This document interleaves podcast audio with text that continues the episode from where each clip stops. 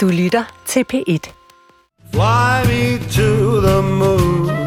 Let me play among the stars. Der er noget særligt ved månen. Det ved alle fra Frank Sinatra til Pjerrot. Månen er metafor for vores drømme. Den er genstand for vores videnskabelige begær. Og så er vi selvfølgelig gået rundt på den. That's one small step for man, one giant leap for mankind. Men hvad vil månen egentlig selv, og øh, hvordan har den det? Det er udgangspunktet for en ny dansk roman, hvor månen bliver en slags hovedperson, og hvor en række videnskabsmennesker opdager helt nye ting om den. For eksempel, at den er vældigt levende, og altså ikke bare sådan en sær død planet, vi kan se om natten. Forfatteren til bogen hedder Shekufe Tadayoni Heiberg. Hun har før været gæst her i øh, Skønlitteratur på P1 som oversætter og litteraturformidler. Men nu er hun aktuel med første del af en tetralogi. Altså en firbindsserie af bøger, der ønsker, at vi skal se radikalt anderledes på naturen og på den måde, vi tænker videnskab på. Vi skal nemlig ikke bare tænke videnskab, vi skal også føle den. Og så skal digtekunsten spille en langt mere aktiv rolle i grundforskningen. Alt det kan du høre meget mere om i øh, dagens program, hvor jeg som altid er din vært, Nana Mogensen. Og jeg vil prøve at komme til bunds i Shikufe Tadayoni Heibergs utopiske biofarebog Nødder, der rummer alt fra øh, hekseritualer til ny polsk poesi. Derfor er jeg taget på hjemmebesøg hos forfatteren, og jeg lægger ud med at spørge hende, hvorfor det lige er månen, hun er så fascineret af. Vi ved meget lidt om månen. Og de historier, der findes om månen, er meget maskuline, og de er meget sådan, vi skal op og erobre den, og vi har været, amerikanerne har været op og erobre på den der måde, plante et flag, og det, det ramte mig meget sådan hårdt i virkeligheden. Der er et digt i, i øh, min bog, øh, Æg, hvor øh, moren spørger, måske har månen slet ikke lyst til at blive trådt på, måske vil den faktisk bare være i fred. Og jeg tror, det var det, der sådan åbnede op for, at jeg tænkte, hvad vil månen egentlig gerne have? Men hvis du nu ser det der meget klassiske klip, som jeg tror også mange af lytterne kender, øh, med månelandingen øh, i 69, og ja. det her med one small step for man og one et eller andet big step for mankind, altså øh, det er jo nok det, eller den narrativ eller fortælling, de fleste kender til om månen, i hvert fald for nyere tid. Altså hvordan har du det, når du, når du ser for eksempel det klip? Hvilke følelser giver det dig? Jamen det giver mig følelsen af, at det er en måde at fortælle historier på, som vi egentlig ikke har gavn af som, som verden. Altså den her måde, hvor vi skal øh, linært ud og erobre noget og komme hjem med byttet. Øhm, så det har også været et opgør med den. Det har været en måde at stille spørgsmålstegn ved, om vi skal lave de her small steps og, og øh, big steps, for at bevise, at vi er så, så mægtige som menneskehed. Øhm, så det var for at give det en, en cyklisk fortællingsmodvægt, at, øh, at jeg havde lyst til at ja, udfordre den her patriarkalske, maskulinistiske, sådan øh, fremturende måde at skulle gå til månen på. Vi har det jo også nu med snak om minedrift og snak om nye månemissioner. Den her idé om, at månen bare er til for vores udbytningsskyld, øh, den vil jeg gerne problematisere. Og i din roman, øh, Nødder, som det skal handle om i dag, og særligt jo selvfølgelig det her med, med månen og måneteorier, der er en række alternative måneteorier, du opriser. Der er ni, tror jeg nok. Og, øh, og der er sådan en udforskning af månen, men en udforskning på en anden måde af månen. Øh, vil du ikke prøve allerførst at fortælle, det er jo ikke sådan en traditionel roman, men de personer, der er i romanen. Mm. Hvad er det for nogle personer? Fordi dem følger man sådan løbende igennem de her måneteoris kapitler. Hvad er det for nogle øh, personer? Ja, men, øh, men personerne er øh, faktisk øh, rigtige personer alle sammen. Altså det vil sige, de findes med det navn, de har og også med den faglighed, de har i den virkelige verden. Så den marinebiolog, der optræder, findes som marinbiolog. Jeg får hende så bare til at gøre flere ting. Og hovedpersonen var nok også en af, altså noget af det, der var anslaget, der inspirerede mig til at, at forfølge den her tankebane. Øhm, hun hedder Sarah Stewart Mukhopadhyay, og er øh, måneforsker og, og i det hele taget stjerneforsker. Øhm, og hun har i 2018 fundet frem til den her øh, Synestia teori, som, som siger, at månen ikke blev skabt af løsrevne dele af jorden, da den kolliderede med den her store øh, Theia-komet, øh, øh, men at det, der i virkeligheden skete, var, at jorden den blev opløst til en stor flydende planet på grund af det her, øh, den her kollision, og at månen og jorden så opstod begge dele ud af det samme materie. Det har, man, det har hun kunne finde ud af, fordi at de er bygget op af samme isotoper. Øhm, og det synes jeg var helt vildt spændende og sådan et anslag. Sådan okay, hvis vi finder ud af, at månen ikke er lavet af løsrevne dele af en kollision, men faktisk er født af det samme, præcis samme stof som jorden, og jorden rummer liv, hvad betyder det så for potentialet for, at månen er noget andet end det, vi tror, den er? Og så, så er det ligesom det anslaget i bogen, som er et virkeligt anslag, og der er øh, link til en TED-talk, så man kan se det virkelig. Og derfra så øh, tager det sig fart i en, øh, en fiktiv retning. Og, og vi skal høre lidt oplæsning lige om lidt, men, men øh, nu noterede jeg mig, hvad du kalder, altså hvad du kalder, fordi nu sagde jeg, at det er jo sådan en slags roman, eller hvad er det egentlig? Øh, og der er handling og kapitler, men alligevel er den lidt anderledes. Du kalder det for, at den hedder som sagt nød, og så kalder du det utopisk biofej. Øh, altså, feje, ja, fiktion, men biofeje, hvad er det for noget? Jamen, det er i virkeligheden en, øh, en subgenre, kan man sige, af sci-fi. Altså, jeg har ikke vil bruge øh, genrebetegnelsen sci-fi, fordi jeg synes, den er ret spændt op omkring noget high-tech. Øhm, så det, som jeg hører, når jeg hører sci-fi, det er sådan noget med fremtidsdystopier og store højhuse og rumskibe. Og der er godt nok et rumskib med, men det, det er en blød version, og det er, min bog er meget orienteret omkring det naturvidenskabelige. Så det var for at lave sådan en, en underkategori af sci-fi'en, der hedder biovidenskabelig fiktion. Og så er den utopisk, fordi det er sådan, at det, der er mit, øh, mit overordnede litterære projekt, at skabe utopier, altså at sige, at vi lever i en verden, der er fuld af øh, fremtids øh, bekymringer, ikke? klimakatastrofen, der raser afsted, og biodiversitetskrisen og den sjette masseuddøen. Alle de her problematikker. Jeg har ikke lyst til hverken at svælge i, øh, hvor slemt det er, altså det er også vigtigt, men Litterært set, der har jeg heller ikke lyst til at skabe de her dystopier om, hvor slemt det kan blive. Jeg har lyst til at skabe de verdener, som jeg godt kunne tænke mig, at vi kommer hen til. Fordi jeg tror på, at det, det er den måde, vi kan begynde at arbejde hen imod noget godt, der vi først at forestille os det. Så det er det utopiske projekt. Og vil du ikke prøve at læse lidt, fordi så, får man, altså, så møder man den her øh, forsker, og man får en fornemmelse af, øh, så har man en fornemmelse af det. Jo. Vi startede sådan her. Teorien om, at månen blev skabt af løsrevne sten efter jordens sammenstød med Theia, blev tilbagekaldt. Det skete endegyldigt i 2018, da selenolog Sarah Stewart Muropadayo fremlagde sin nye sammenstødsteori Celestia. Her beskrev hun, hvordan sammenstødet mellem jorden og Theia rigtig nok havde fundet sted for 4,5 milliarder år siden, men tilbageviste samtidig, at sammenstødet skulle have revet plantestumper løs, som derefter ville flyve i kredsløb og forme månen. Nej, Sarah Stewart Mukhopadhyay kunne påvise, at jordens kollision med Theia havde været så massiv, at jorden blev opløst. På et kort øjeblik ændrede den form fra solid klippeklode til en fladtrykt gasplanet uden fast overflade og uden fast form. I midten af jordens opløste indre der hvor dens kerne havde plejet at flyde, opstod nu en fortætning af lava, der samlede sig til en kugle, formet af det samme isotopiske materiale som sit udspring, jorden. Det var denne kugle, der senere skulle blive til jordens måne.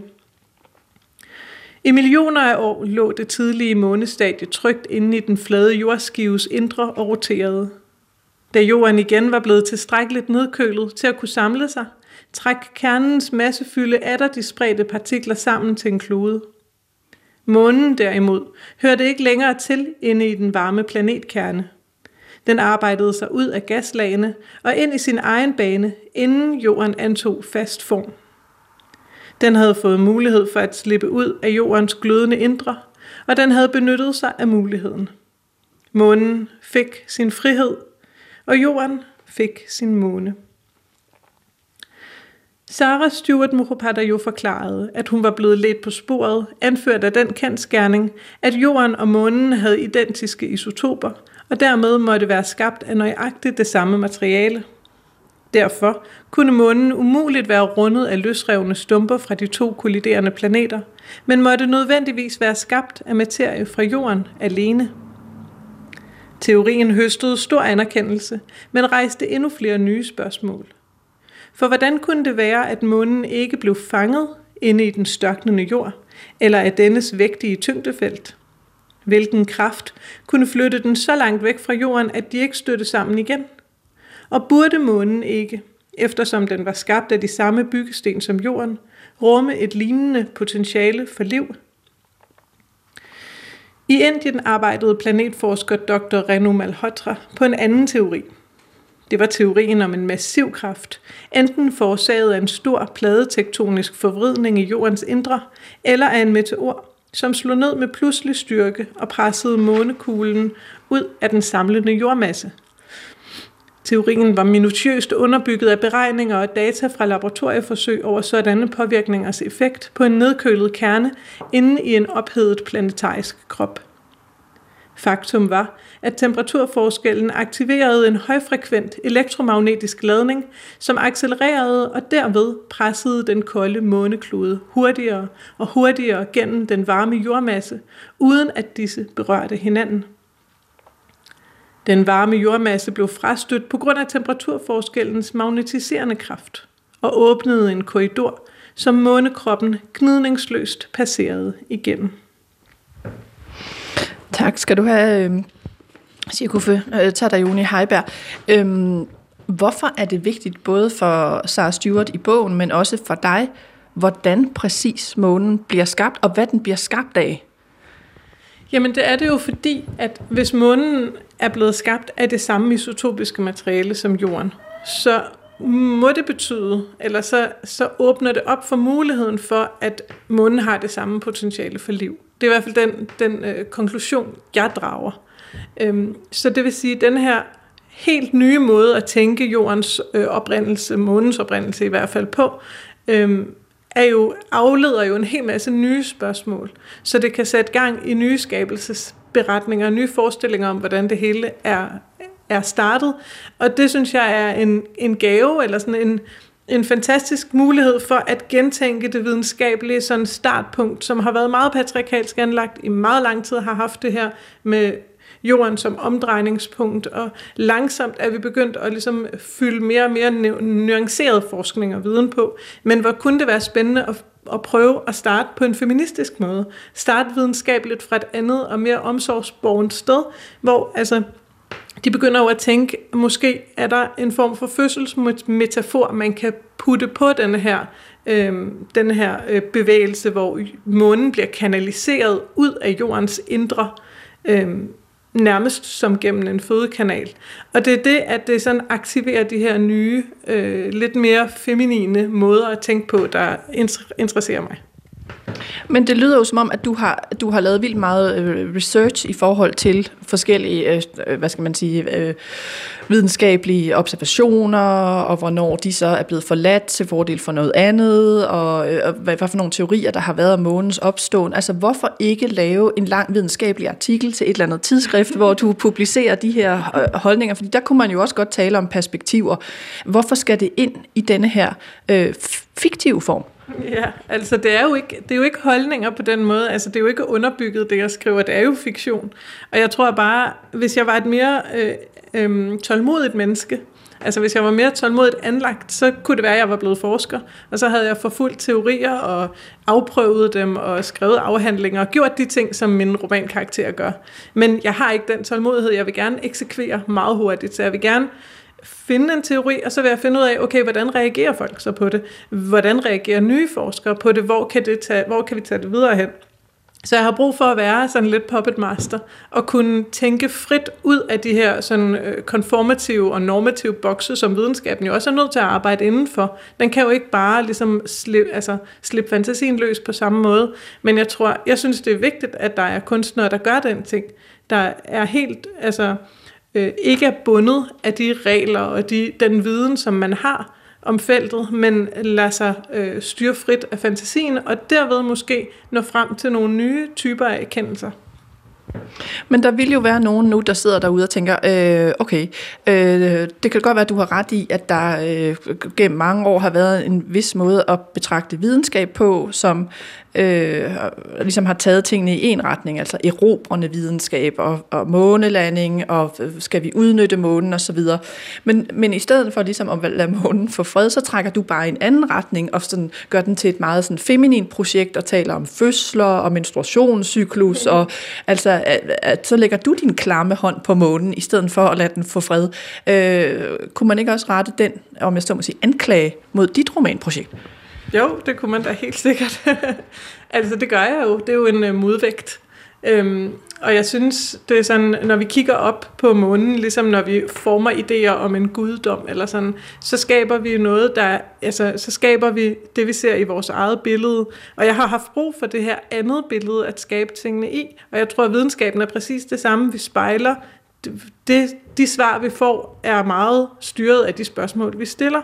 Og hvis spørgsmålene igennem mange, mange altså århundreder har været meget patriarkalsk styret, har været, har været meget sådan erobringsorienteret, øh, så er det også noget, en bestemt form for videnskab, vi bygger vores verden og vores fortællinger op omkring nu. Øhm, så, så jeg har brug for, at den her modvægt af det feminine, den får plads. Altså om ikke andet, så for mig personligt, at der opstår et rum, hvor jeg kan tænke, øh, hvor, hvor månen ikke handler om manden i månen, for eksempel. Ikke? Hvor det ikke handler om minedrift. Hvor det handler om at tænke, måske er der med et omsorgsbornt sådan spørgsmålsapparat øh, end nogle helt andre typer af svar at hente, som vi som samfund og som verden kan have glæde af, også i en, en øh, klimaproblematisk fremtid. Men er det ikke sådan, at øh, jeg synes, vi skal høre lidt mere roman lige om lidt, så, så lytterne forstår, altså, fordi det, det er jo også en roman, der har månen som, om jeg så må sige, hovedperson. Det er jo en lidt alternativ øh, altså måde at skildre. Ikke, det er jo ikke kun karaktererne, der handler, men det er også månen, der undergår en eller anden form for forvandling. Øh, er det ikke sådan, at kunsten på en eller anden måde altid har gjort med månen, hvad den ville, og videnskaben har gjort med månen, hvad den ville, øh, og det har den ligesom måtte bære. Altså jeg tænker, øh, den klassiske sci-fi, altså Jules Verne eller H.G. Wells, eller sådan, der har mm.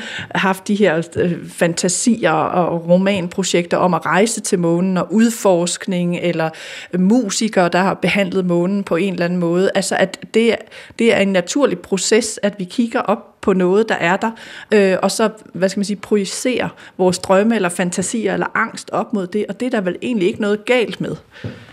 Overhovedet ikke. Det, jeg tænker også, at altså jeg, jeg tænker, at nød skriver sig ind i den her øh, måde at bruge månen som inspirationskilde, fordi den er så, så stor og tilstedeværende, men også altså, så uudforsket på så mange måder. Det er, sådan, det er de færreste, der ved, hvad der er inde i månen. Ikke? Det er, det, der er stadigvæk så meget at altså også i forhold til at skulle potentielt i fremtiden bebo den, både om man skal, og, og, og øh, også hvis man gør, hvordan det vil øh, forholde sig, om planter kan gro der. Der er så mange spørgsmål, vi ikke kender svarene på, så det er meget oplagt for mig, at der findes enormt meget månekunst, og jeg synes egentlig, der er for lidt. så hvad er det, der konkret sker i bogen, altså i løbet af de her ni øh, måneteorier, der bliver udviklet? Altså Sarah Stewart, som er så er den ene forsker, der hun møder nogle andre, både virtuelt, men også fysisk, øh, i, i udviklingen af de her måneteorier. Altså, hvad, hvad er det, der sker? Fordi den løber jo fra år 2018 til 2024, ja. så vidt jeg husker. Altså, hvad er det, der sker i den her periode, og hvad er det, Sarah Stewart gør? Ja, altså hvis jeg skal prøve at riste kort op, det er sådan, det, den ene teori fører til den næste hele vejen igennem de her ni kapitler. Øhm, og langsomt så finder de ud af, at ideen om, at jorden kunne have født månen, faktisk godt kan suppleres af en idé om, at månen kunne have født jorden. Altså der er ikke noget øh, forskningsmæssigt, der udelukker det ene, eller gør, gør jordens fødsel af månen mere plausibel. Øhm, så når så er de ligesom så langt, så kommer der nogle nye forskere på banen, der finder ud af, at månen rent faktisk stråler, at det vi tror er genskin fra solen, faktisk kommer ud af nogle åndbare porer i månens membran, så lyset kommer ind fra månen. Det rejser så nogle nye spørgsmål. Hvad er det, der lyser ind fra månen? Og de finder ud af, at der er elektromagnetiske impulser, der stråler ud af månen, og også er enormt styrende for jordlivets øh, trivsel og adfærd, og der opstår en evolutionsteori, hvor man kan se, at, at, øh, jo, at livet på jorden er, er, øh, ud, har udviklet sig i øh, nye retninger på de tidspunkter, hvor der har været fuldmåne. og øh, at det har været øh, styrende for, hvordan alting, ligesom for- livet, livet formet sig. Så man forstår den her, at der er et link mellem livet på jorden øh, og månen. Både i form af tidevandet og den måde, det fungerer på, men også i det hele taget i form af, øh, så kalder jeg det så for kvindesker i stedet for mennesker. Ikke, ikke fordi der ikke er mænd, men bare fordi, at, at ordet, for eksempel mennesker, det provokerer mig, fordi jeg synes, det er meget mandligt orienteret, og så siger jeg, at kvindesker, MK, har været meget styret, og særligt kvinder har været meget styret på grund af deres cyklus. Øhm, så jeg kobler sådan langsomt for øh, karaktererne koblet livet og livets øh, processer på månen. Og det fører jo så til, at de langsomt finder ud af, at månen måske selv kunne i hvert fald enten orkestrere liv, eller måske være liv. Det bliver så det store spørgsmål, som øh, de arbejder på at svare på. Der er en, en diskussion i romanen, eller i bogen også, om, det er jo ikke kun, hvad månen består af, om den er levende, men også måden, vi bedriver videnskab på. Mm. Altså, det er jo også en, øh, en videnskabsroman, selvom den er øh, fiktion og utopisk og alt muligt. Øh, og netop det, du taler om her med, at, at øh, de finder ud af, at månen måske udsender en form for stråling, det kommer fra en Altså det er ikke en, øh, en tese, der, der kommer fra traditionel videnskab. Det er faktisk et digt af en polsk digter, der afføder den her teori. Så der er også en eller anden, øh, skal vi kalde det, sådan sammenblanding af, af genre og videnskabsfelter og kunst og videnskab, der ligesom får det næste til at spire. Du skal læse digtet, synes jeg, og så forklare, hvordan det genererer en helt ny videnskabelig teori. Men vil du ikke prøve at fortælle øh, først, altså hvor kommer den her tanke om at lade kunsten være det, der inspirerer til en videnskabelig tese omkring månen? Jo, det vil jeg, og det, det peger lidt tilbage på det, jeg sagde før med øh, fiktionen. Altså jeg mener, at kunsten spiller en enorm vigtig rolle som, øh, som samarbejdspartner til grundforskningen. Det sted i forskningen, hvor man skal stille helt nye spørgsmål, og man har brug for at kunne tænke så frit som overhovedet muligt. Der forestiller jeg mig, at kunsten og kunstnerne kan have en meget mere aktiv og afgørende rolle som øh, de tætteste samarbejdspartnere til forskerne, fordi de vil være i stand til at stille de spørgsmål, som forskerne har ligesom øh, skolet sig væk, længere og længere væk fra. Så det er nemlig en vigtig pointe, at de på et tidspunkt, altså forskningen går i hårdknude, de kan ikke rigtig komme videre, så er det et digt, der kommer ind øh, og ligesom åbner op og forløser fortsættelsen af forskningen.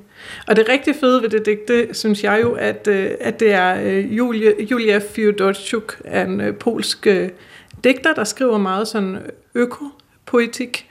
Øhm, og jeg har, altså hun har selv skrevet digtet. Så hun er både en faktisk person, en faktisk digter fra Polen, øh, og hun er også en fiktiv karakter i min bog, og hun har også rent faktisk skrevet digtet, og det er i mit forsøg på at væve det hele sammen så tæt som muligt, så fiktionen den bliver så virkelig. Øhm, der er mange, der har læst bogen, der siger, at de hele tiden skulle google, og det er jeg vildt glad for, fordi det er det, jeg gerne vil have, at man hele tiden er lidt i tvivl om, kan det nu være rigtigt, at månen for eksempel stråler ned på jorden? Kan det være rigtigt, at dens elektromagnetiske bølger får valer til at øh, ændre deres adfærd? Øhm, og det kan man jo blive mere i tvivl om, når øh, digtet jo også er et ægte digt af en ægte digter. Ja, for jeg, må erkende, jeg, jeg kendte ikke den polske digter, jeg, og, og, og, så jeg, jeg var også i gang med at google og tænke, er det en, du har fundet på, opfundet, eller findes hun rigtigt, og hvad er det, hun har skrevet? Vil du ikke prøve at læse det op, fordi der er en dansk oversættelse af det, og det findes øh, sådan integreret i din roman, altså der er også fodnoter, der er alle mulige ting. Men der er blandt andet det her digt, som så leder videnskaben videre i romanen i forhold til, hvad månen er. Jo, skal jeg lige finde det. Det hedder Månemælk. Og det lyder sådan her. Søster Måne drysser hver nat sølv på havets overflade, dækket i fine, levende rynker, som stimer af småfisk. Det varme sølv fra månehjertet gives natten, havet.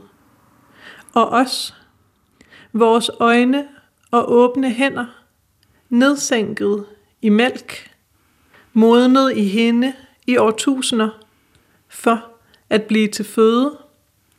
Flydende monarki fra himmellæme til kroppe, der bebor den blå planets jord og have. Livgivende sølv på havet som min, levende, blinkende hud.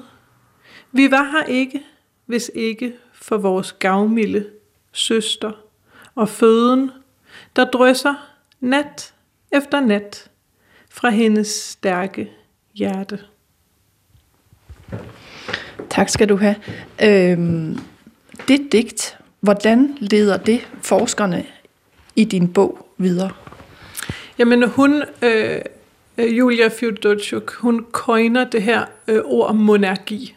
Altså en energi, som kommer ud af månen. Så, så øh, forskerne de er, de er gået i stå der, hvor de ikke kan forstå, hvad det her lys det består af. Øh, og øh, det her, det, det får dem på sporet, og så tænker de, okay, vi har ikke rigtig flere teorier at gå efter lige nu, vi kan lige så godt afprøve den her digterteori, som de kalder den, så øh, digtet bliver oversat fra polsk til fransk, hvor forskerne de sidder. Øhm, og øh, så tester de det, så siger de, kan det lade sig gøre, at øh, månen rent faktisk udsender en, en reel energi, og at det er den, vi kan registrere. Og så finder de ud af, at det kan de rent faktisk. Men de var ikke, de var ikke nået frem til den erkendelse uden øh, hjælpen, altså uden den her digter, fordi, de, fordi det er for langt ude, kan man sige. Ikke? Det er for langt ude til overhovedet at give mening, og derfor ville de aldrig have tænkt tanken selv. Så det er der, det er sådan, kunsten kommer ind og bliver hjælpende.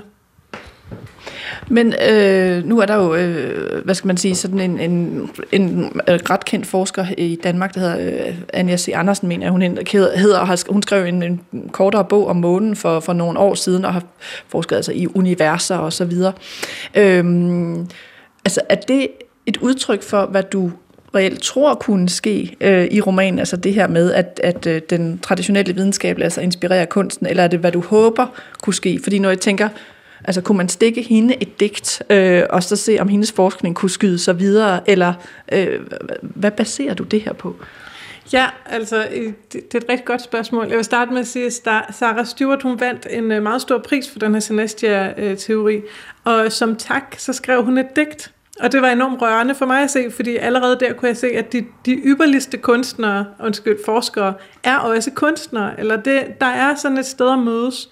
Og jeg tænker også sådan tilbage i tid, hvis vi bare går tusind år tilbage, så var det ikke unaturligt eller unormalt, at man var filosof og digter og matematiker på samme tid.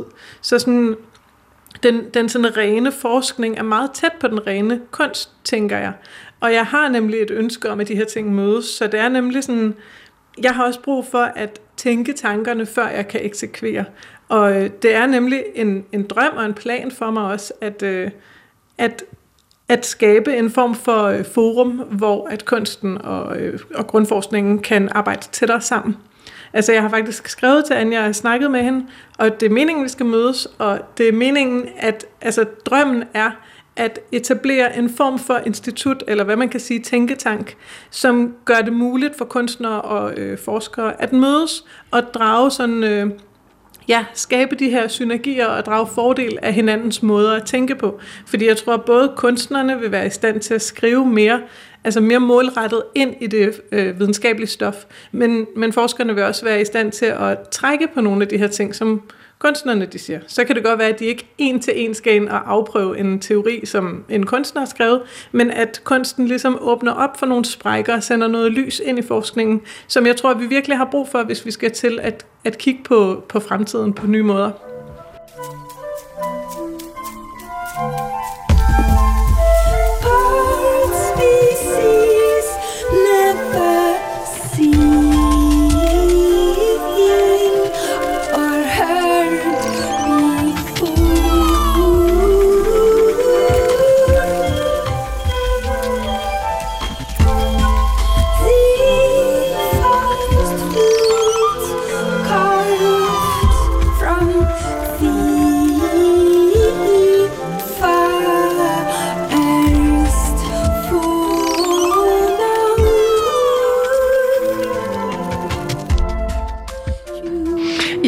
At, øh, at du også har lavet dig inspirere af ikke kun sådan, øh, hvad skal man sige, øh, andre forfattere øh, og, og, og videnskabelig teori, men også af musik. Altså en kunstner som den islandske sanger Bjørk. Ja. Øh, nogle af hendes numre har også været det, der har ledt dig videre i at skrive den her bog. Hvordan det? Ja, det har det. Altså, nemlig både kunst og forskning har været inspirationskilder, og, og Bjørk har været helt central, fordi hun udgav et album, der hed Utopia, øh, for nogle år siden. Og det var sådan, for mig var det en manifestation af, hvad for en retning vi må gå. Hun koblede det meget til den her COP15 i Paris, øh, aftalen her. Øh, sådan, altså gjorde det i virkeligheden meget politisk, samtidig med, at hun løsrev det fra det politiske ved at skabe et univers, der var sådan helt lyserødt med nogle helt specielle fugleagtige skikkelser, der, der fløj rundt om, og øh, nogle mennesker klædt i sådan en orkidé, nærmest orkidékrop, der spillede på øh, tværfløjte, og skabte et univers, at det hun gerne ville se og insisterede på, at det er det, vi må gøre. Vi må skabe utopien. Og det har været enormt sådan, øh, altså retningsudstikkende øh, for mig. Men nogen vil jo sige, at det er absolute modsætninger. Altså videnskab er en observation af det, der faktisk sker. Mm. Du er i gang med at skabe det, du gerne vil se. Mm. Så hvis man nu skulle være øh, kritisk, vil man jo også sige, øh, for eksempel... Øh, kvinder har i overvis, øh, nærmest over et århundrede, kæmpet for at blive seriøst seriøs som, øh, som øh, videnskabsmennesker, mm. Øh, der kan skælne fiktion fra, det er jo det, de har lidt under, skælne fiktion fra videnskab. Øh, og i din roman, trækker du dem tilbage til en eller anden form for øh, væren som sådan en slags øh, føledyr, der lader sig øh, køre efter deres cyklus. Altså du fratager dem det, de har kæmpet for i overvis, nemlig at blive taget seriøst som, øh, som videnskabsmennesker. Ja, jamen jeg kan godt forstå det, du siger.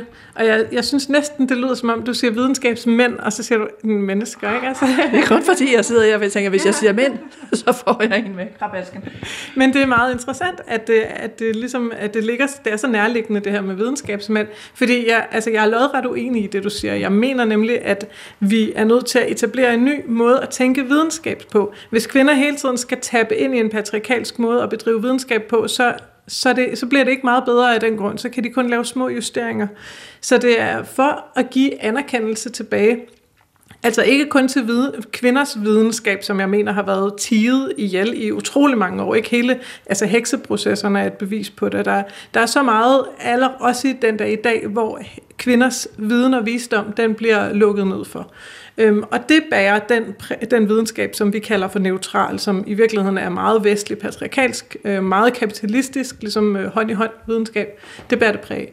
Øhm, jeg mener også, at altså, arterne har også videnskab, alle, hele solsystemet har en intelligens og en enorm visdom, som er blevet underkendt og som er blevet erklæret død for, at man bare kunne udnytte og udbytte. Så jeg synes, det er vigtigt at trække tæppet helt væk og starte helt forfra og sige, det er ikke en anklage, jeg overhovedet vil finde mig i, det her med føledyr. Vel? Det er en øh, insisteren på at tænke viden som noget helt andet end den her øh, instrumentaliserende, kolde, øh, opererende måde, som vi har tænkt videnskab på hidtil.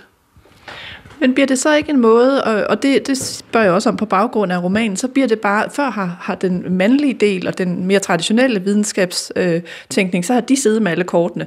Nu bliver det så din særlige udgave af det feminine rum, og mm. kvinderne, der sidder med alle kortene. Det gør det vel ikke bedre, at det bare skifter helt tilbage? Ikke, ikke på sigt, nej. På sigt er en balance god. Men som det er nu, synes jeg i rigtig mange henseender, det er vigtigt at etablere nogle meget kvindelige rene rum. Og det ved jeg godt øh, provokerer en masse. Altså utrolig meget. Men, men vi leger, at vi har haft nogle neutrale rum, og nu er der så kvinder, der insisterer på nogle kvinderum, men de her neutrale rum har været enormt mandede rum, ikke? Så det kan godt være, at vi har det her begreb feminisme, men maskulinisme, det, altså, det herver, og det findes i høj grad. Øhm, og, og det, at det har etableret sig og fyldt så meget, gør, at jeg i hvert fald føler, at der er brug for det her meget rene modstykke, eller i hvert fald et modstykke, der giver plads til, at, at den, de kvindelige måder kan udtænkes, fordi for mig er det også et eksperiment. Okay, hvad ville kvindelige forskere så rent faktisk gøre, og hvad ville de ikke gøre? Vil de rejse til månen, og hvis de gør, hvordan vil de tage hensyn eller ikke hensyn? Det er jo, det er jo alle de her spørgsmål, jeg forsøger at undersøge. Øhm, så jeg synes, det er vigtigt som en form for overgangsfase hen imod noget mere balanceret selvfølgelig. Øhm, men der er vi ikke endnu. Så hvad er det, de her kvindelige forskere i din bog i løbet af de her måneteorier gør anderledes, end hvis det havde været, lad os sige, en, en gruppe mandlige forskere? Altså, hvad, hvad er det? Hvordan griber de forskningen an, og hvad gør de? Altså, de er jo alle sammen øh, også rundet af en patriarkalsk videnskab. De arbejder inden for de her universitetsregier. Øh, men, men de forsøger at gøre nogle ting anderledes. Øh, de samarbejder på en anden måde. De udveksler viden på tværs af øh, faggrupper. De prøver hele tiden at se det potentielt omsorgsfulde i det, de undersøger. Så i stedet for at erklære øh, for eksempel månen for død, og så begynder at finde ud af, hvordan den så øh, er, øh, at den består af nogle forskellige materialer, så er de hele tiden åbne for den mulighed, at tingene har en egen vilje, en egen kraft, en egen eksistensberettigelse. Og det er sådan i virkeligheden sådan grundnerven i bogen, ikke? at at, sådan, at hvis der skulle være et budskab, der var under det hele, så ville det være, at alt har en både en egen eksistensberettigelse og en egen vilje. Men det her begreb, du øh, integrerer flere gange i romanen, og, og det, det er begrebet om omsorg. Øh, og der skulle jeg også lige tage mig selv i at hoppe en gang imellem, fordi når man taler om videnskab, så taler man meget sjældent om, at omsorg øh, er et øh, element, der skal ind i videnskabelige beregninger eller ind i en videnskabelig observationsproces. Ja. Så hvordan er det, du forstår ordet omsorg, og hvad laver det i romanen om videnskab? Altså, øh, ideen om omsorg blev sådan vagt øh, meget i mig, og sådan øh, nurset, kan man sige, da jeg arbejdede for i år, da jeg lavede noget, der hed Medicinhaven for Radikal Omsorg, som var en, et udstillingsprojekt, hvor vi skulle bygge en have op.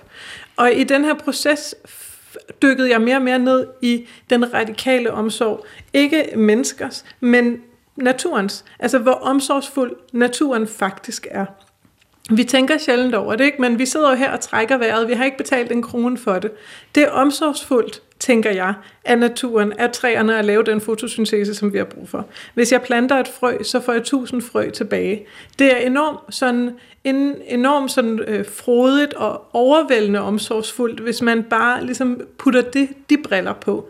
Så det er også sådan en, altså i virkeligheden er det det, der er inspirationskilden, at hvis naturen hele tiden, alle arterne hele tiden er i gang med at understøtte hinanden, ikke prøver at udrydde hinanden. Man kan jo så godt argumentere for, at nogen gør, men i det overordnede, hvis man ser på en regnskov for eksempel, hvordan samme eksistens er så nøglen, at alle giver plads til hinanden, og alle ved, at det at understøtte hinandens trivsel, er det, der gør fællesskabet stærkere.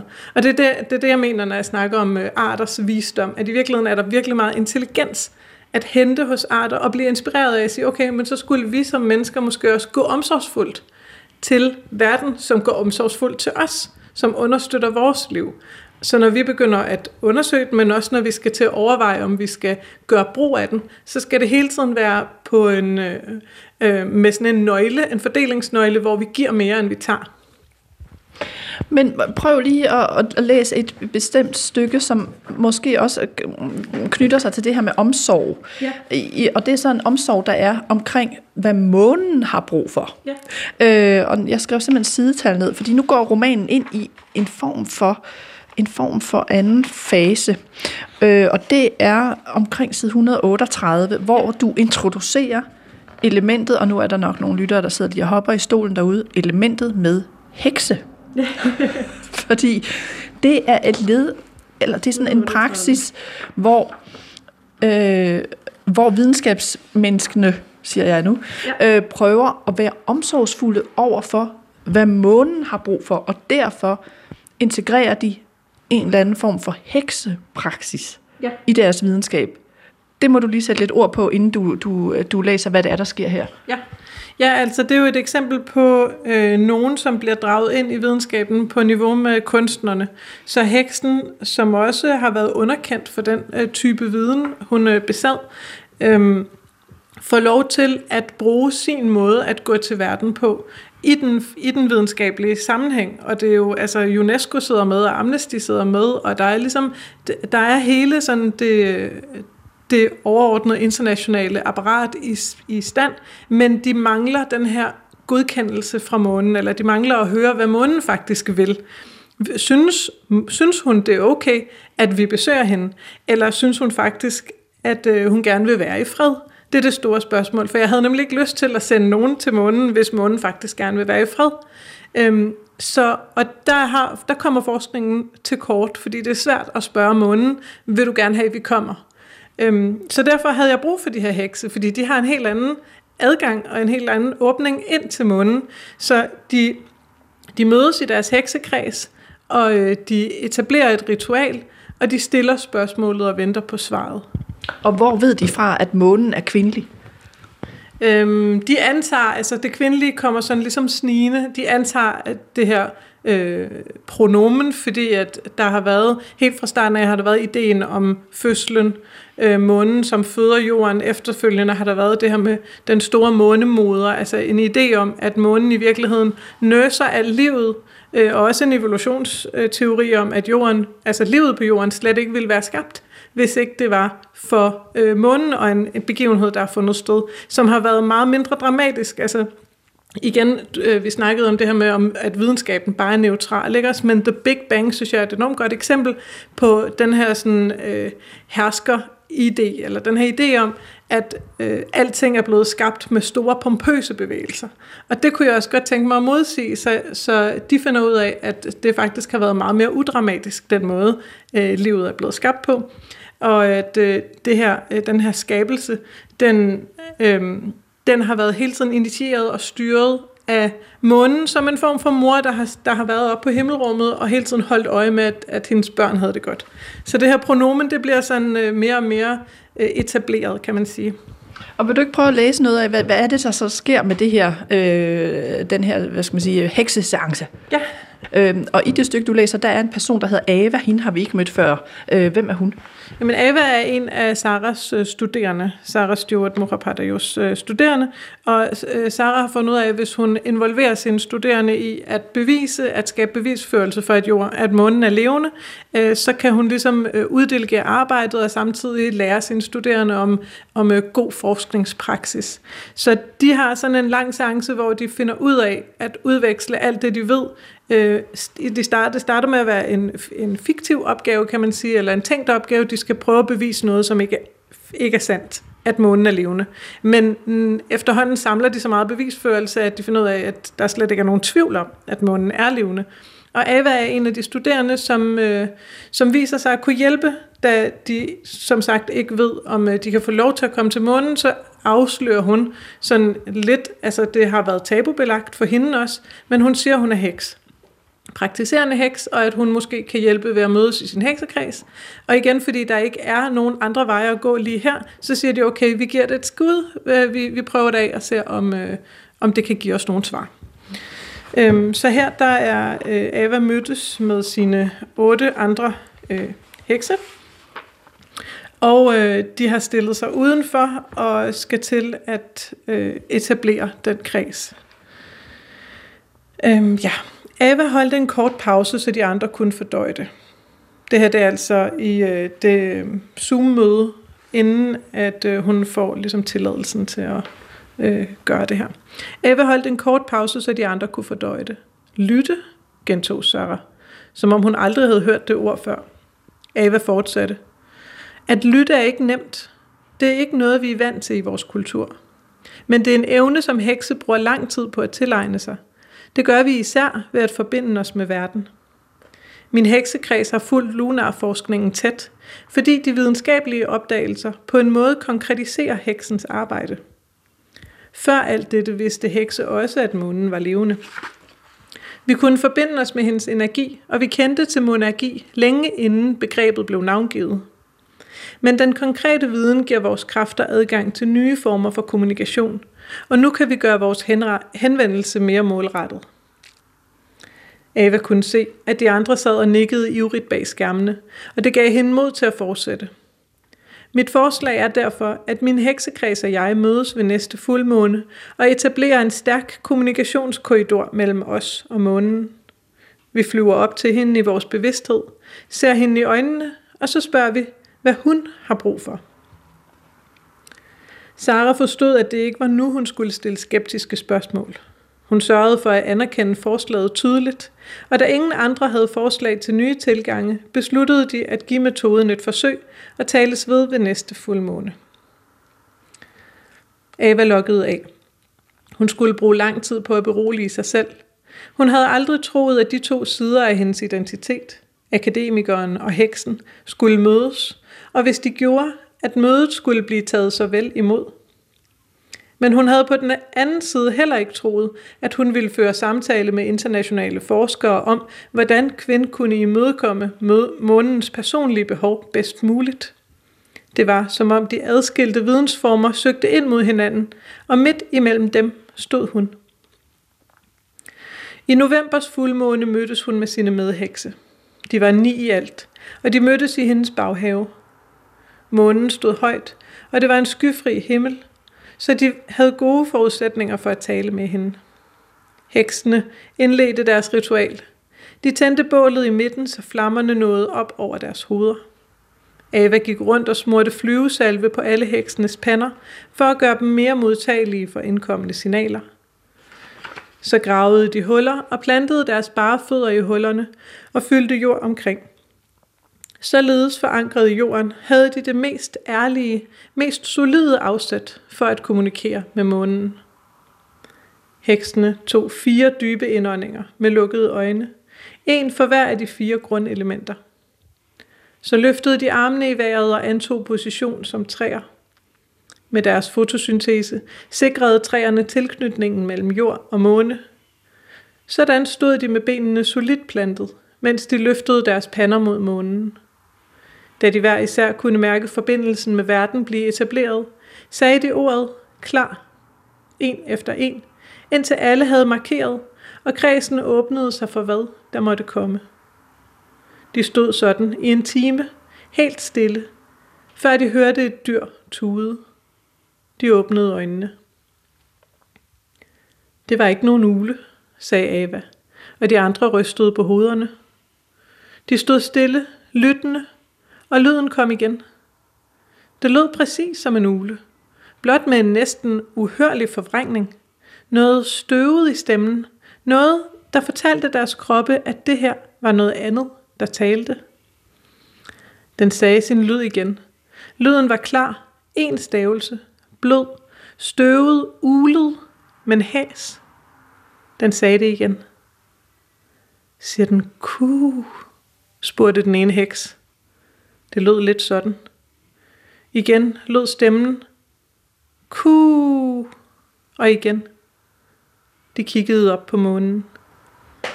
Det kunne godt lyde øh, sådan meget konkret, og den her beskrivelse af den seance, der finder sted. Øh, jeg kommer til at tænke på, om du faktisk selv har været i gang med sådan nogle ritualer, mens du har skrevet romanen. Jamen, det har jeg. Altså, jeg er også selv øh, aspirerende heks, altså i, i lærer som heks. Så jeg arbejder også med de her forskellige sider af min identitet, kan man sige. Jeg er jo også altså, akademiker i en vis grad, ikke? Jeg kan med. Øhm, så, så ja, jeg har nemlig brugt øh, det at forbinde mig for at kunne åbne op for nogle af de her øh, nye erkendelser. Det er, sådan, det er jo også ukendt land for mig, indtil jeg finder ind til det. Og nogle af mine metoder har været mere sådan øh, rituelle. Og hvad vil det sige at være aspirerende heks? Jamen det vil, det vil sige at være i lære, altså ligesom man er i lære som så meget andet. Så det er en proces, hvor jeg prøver at blive bedre til at lytte, som Ava også siger, ikke? at arbejde med det at lytte, hvad vil det sige? Betyder det bare at høre efter, eller betyder det at blive opmærksom på alt det, der kommunikerer, som vi ofte bare ligesom lukker af for, fordi det er for meget. Øhm, så det er sådan en proces, hvor jeg arbejder, men jeg vil også sige, en, en vigtig del af min sådan magiske praksis er i virkeligheden min skrift. Altså det er at skabe andre fortællinger. Det tror jeg, øh, det er enormt vigtigt for mig. Øhm, og bogen starter også med de her fire nye skabelsesberetninger. Så hele ideen om at tage fat både i fortid og sige, hvad er det, vi forankrer vores, identitet, vores altså samlede fælles kulturelle identitet på, og hvor er det, vi er på vej hen i kraft af det. Øhm, der mener jeg, at det er, sådan, det, det er en form for magisk arbejde at gå ind og, og arbejde med at ændre på de her fortællinger. Men nu tror jeg, at lytterne har fået sådan en ret god fornemmelse af i hvert fald, hvad nogle af elementerne er i din bog. Øh, men også måske en fornemmelse af den idealisme, du et eller andet sted lægger til grund, eller øh, utopiske tænkninger, man kan sige det sådan, altså det her med, hvordan skal vi øh, ændre vores syn på videnskaben, hvordan skal vi ændre vores syn på dem, der bedriver videnskaben, hvordan skal vi ændre vores syn på månen og universet osv. Er du ikke bange for et eller andet sted, at al den idealisme eller den utopiske tænkning kvæler selve det skønlitterære projekt, altså at læserne føler, at de ligesom får stoppet dine holdninger ned i halsen, i stedet for en litterær oplevelse? Øhm, altså, det er, øh, jeg er jo den forfatter, jeg er. Øh, eller formutter, kunne man også sige.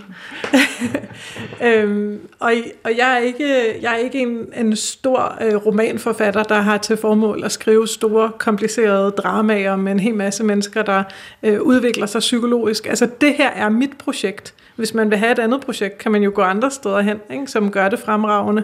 Så på den måde, så hviler jeg i, at det, det er, at jeg vil stoppe en hel masse idéer ind i hovedet på læseren.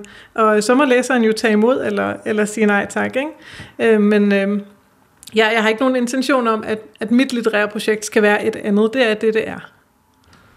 Jeg synes, vi skulle runde øh, også her til sidst den kontekst, som værket øh, ligesom er sat i, eller udkommer i. Øh, normalt, øh, siger jeg jo så her igen med at få, få ud, normalt så sender man jo sine bøger ud til anmeldelse på avisredaktioner og så videre, og så kommer der, hvis man er heldig, øh, en anmeldelse eller to, som er sådan traditionel, og nogle gange så er der nogle stjerner eller hjerter der, eller noget andet.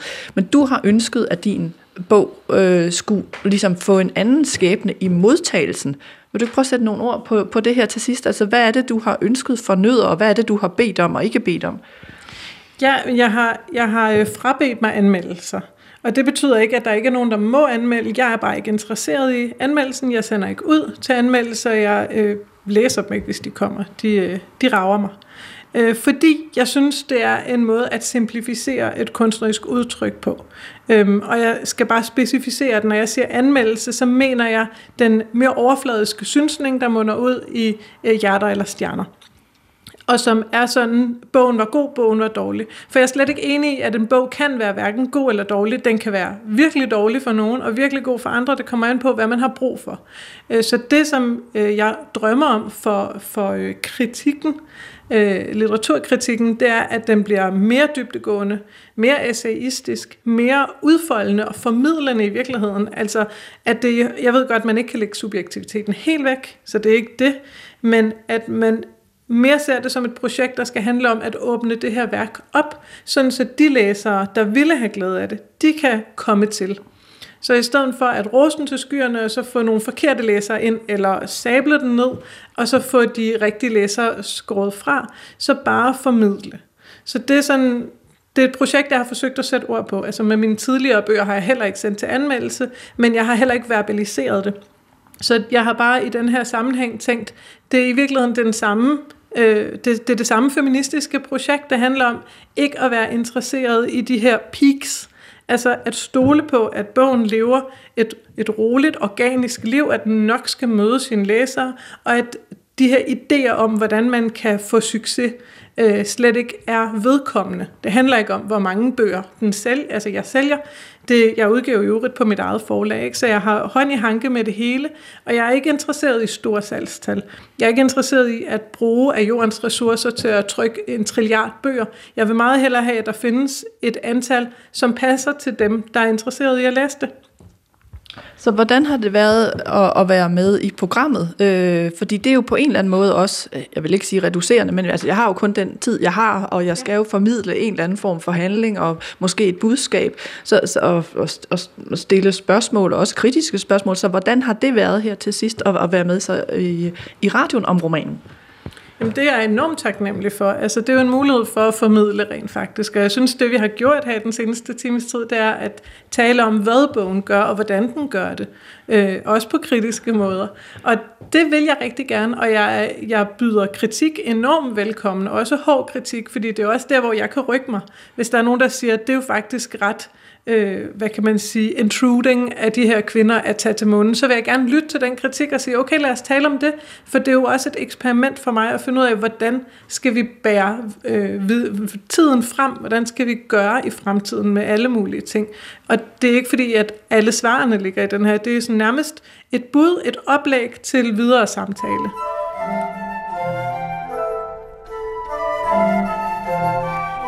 Skønlitteratur på P1 er slut for denne gang. Jeg var din vært og hedder Nana Mogensen. Og du kan skrive til mig på litteratursnabelag.dr.dk altså litteratursnabelag.dr.dk Dagens forfatter hedder Shekufe Tadayoni Heiberg, og hendes øh, roman hedder Nødder, og er altså første del af en firbinds serie. Hun har allerede skrevet bind 2, og det er meningen, at den skal udkomme i løbet af et års tid. Hun udgiver selv sine bøger på øh, forlaget Uro og det polske månemælsdigt, du kunne høre oplæst her i øh, udsendelsen, er oversat fra polsk til dansk af Michalina Julia Janeka Meyer og Monika Maria Janeka. Vi høres ved i øh, næste uge, hvor jeg sætter de kemiske fabrikker under lup, blandt andet Keminova.